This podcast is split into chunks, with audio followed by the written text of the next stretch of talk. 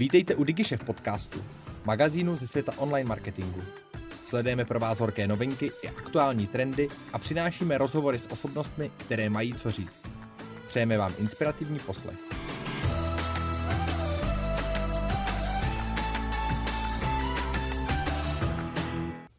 Vítajte pri ďalšej epizóde podcastu o SEO novinkách, v ktorom si zhrnieme najdôležitejšie udalosti, ktoré sa v posledných týždňoch udiali v oblasti SEO.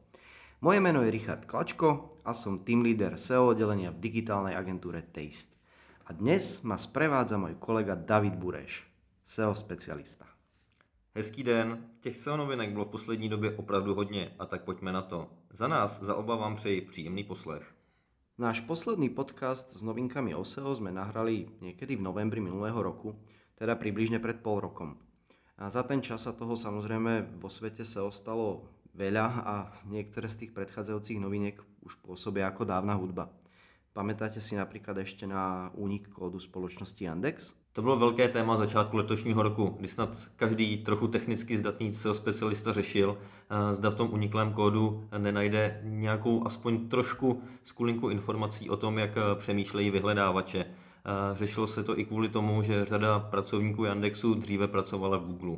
Nakoniec sa ale ukázalo, že to nebolo až tak dôležitá správa a ten zoznam 1920 faktorov bol zastaraný a Yandex vyhodnocuje samozrejme oveľa viac parametrov, ako vôbec uniklo na verejnosť. Napriek tomu ale mňa zaujali dve veci. A to, že sa potvrdilo, že Yandex aktívne skrejpuje alebo skrejpoval výsledky vyhľadávania Google a Bingu, a že Yandex rozdeľuje svoje hodnotiace faktory na statické, dynamické a vyhľadávacie. A podľa toho s nimi aj zaobchádza.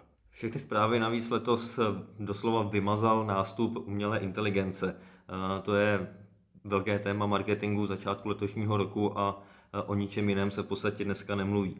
Bylo to vlastně i hlavní téma letošního SEO Restartu. Bylo tam několik přednášek na toto téma a mě vlastně nejvíce eh, zaujala ta nosná myšlenka, že nesebere vám práci AI, ale člověk, který s AI pracuje. Ty jsi, Ryško, na SEO Restartu také přednášel. O umělé inteligenci si ale nemluvil. Co bylo téma tvé přednášky?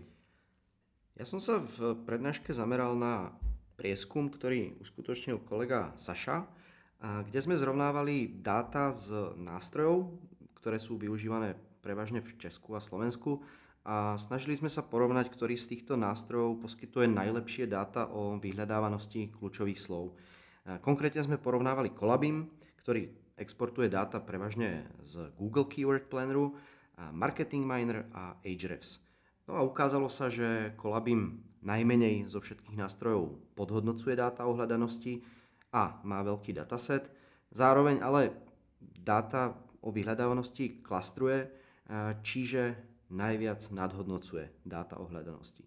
Marketing Miner na druhú stranu najmenej nadhodnocuje dáta o hľadanosti a z môjho pohľadu má najlepší našeptávač kľúčových slov a keď sa pozrieme na Ahrefs, tak je niekde tak uprostred medzi nimi. A máš, Ryško, nějaké doporučení, jaký tool tedy používat? Povedal by som, že každý z nástrojov má niečo do seba a vždycky záleží na účele, využitia dát, ktoré z nástroja chceme mať. Takže keby sa chcem zamerať na tvorbu PPC kampaní alebo na prieskum trhu alebo treba na vytvorenie nejakého obsahového plánu, vždycky by sa dalo povedať, že jeden z nástrojov pre konkrétny účel bude o niečo lepší alebo bude mať o niečo lepšie dáta. Ale poďme späť ešte k tej umelej inteligencii. E, prezradíš nám, Dave, či už používaš umelú inteligenciu ty sám na dennej báze? Eh, já si musím přiznat, že už ano. Eh, konkrétně ChatGPT používám skoro každý den, ale považuji ho pořád za pomocníka, eh, kterého musím nějakým způsobem kontrolovat. Je pro mě inspirací při hledání klíčových slov nebo třeba při zadávání článků na našeho copywritera a tvorby struktury takového článku. Zkouším si midjourney a generování obrázků a hlavně tedy ilustračních snímků, protože tam, když chce člověk něco konkrétního, tak už to úplně podle mého názoru nefunguje. Pár tipů jsem sepsal i na náš blog na DigiChefu, takže tam se o umělé inteligenci a našem použití v rámci Tasteu dozvíte více. A to nejen z hlediska SEO, ale třeba i od kolegů z PPC nebo právě z Kreativy. Každopádně se hodně těším na AI Date, který se bude konat 16. května, kde se dozvím zase další informace. Přednášet tam bude Tomáš Mikolov, Petra Dolejšová a náš Honza Janoušek z Tasteu. Umelá inteligencia je téma, ktorý sa jednoducho dnešnej dobe vyhnúť nedá, čo potvrdzujú aj ďalšie správy o SEO z posledných týždňov. Vieš napríklad, že Google pracuje na novej verzii svojho vyhľadávača? Podľa nejakých zákulisných správ má priniesť umelú inteligenciu do každého mobilného zariadenia na celom svete. Výsledky vyhľadávania majú byť navyše vysoko personalizované podľa používateľa. Okrem toho, Google pracuje na ďalšom vylepšení vyhľadávania, v rámci ktorého by sa vo výsledkoch vyhľadávania mohli uh, uskutočňovať dokonca aj transakcie. Google chce tiež využiť umelú inteligenciu vo svojich mapách alebo na generovanie obrázkov uh, pri vyhľadávaní v obrázkovom vyhľadávaní. Na tohle jsem opravdu hodně zvědavý. Eh, nicméně se ukazuje, že Google v eh, této oblasti trošku zaspal, protože Google teprve řeší nějaké zabudování eh, umělé inteligence do vyhledávání, zatímco konkurenční Bing už má Bing Chat, kde se dá vlastně komunikovat s ChatGPT. Navíc nově implementuje data o proklicích z Bing Chatu do Bing Webmaster Toolu. Proto všem webmasterům doporučuji eh, tenhle webmaster tool si založit. Je to zdarma eh, a implementace je jednoduchá. Eh, navíc, jestliže SimilarWeb říká, že Google má dneska nějaký 90% podíl na trhu s vyhledáváním a Bing nebo Yahoo nějaká 3%, tak si myslím, že se to letos hodně změní a, a ten Bing právě díky té využití umělé inteligence půjde nahoru. I moje zkušenost vlastně od našich klientů je taková, že podíl Bingu roste a v některých případech eh, už je dokonce počet přístupů na stejné úrovni jako ze seznamu. Nové funkcie ale najdeme taktiež v Google Search Console, konkrétne v sekcii vylepšenia v časti video sa aktuálne zobrazujú len URL adresy, ktorých hlavnou záložkou je video. Google teraz pracuje aj so štrukturovanými dátami o preprave a napríklad vrátení tovaru.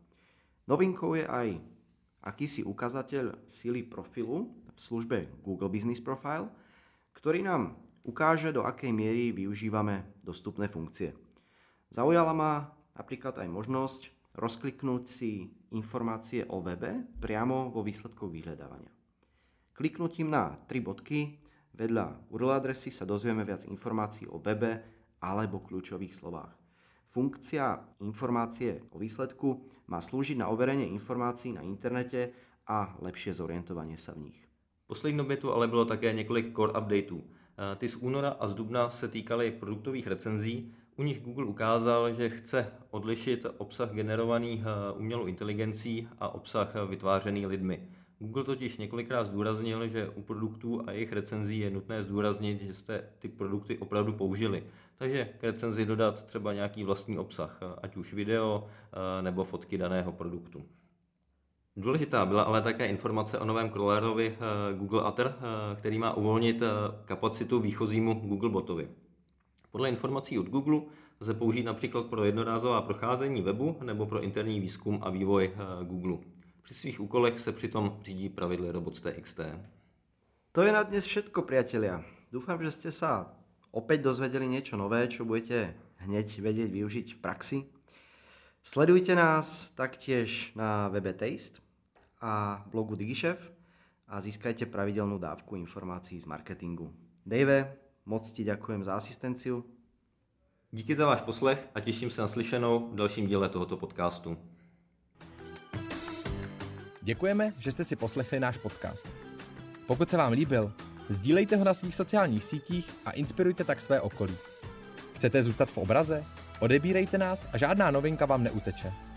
Napadá vás zajímavé téma nebo host, kterého máme vyspovídat? Dejte nám vědět. Naschledanou u dalších dílů.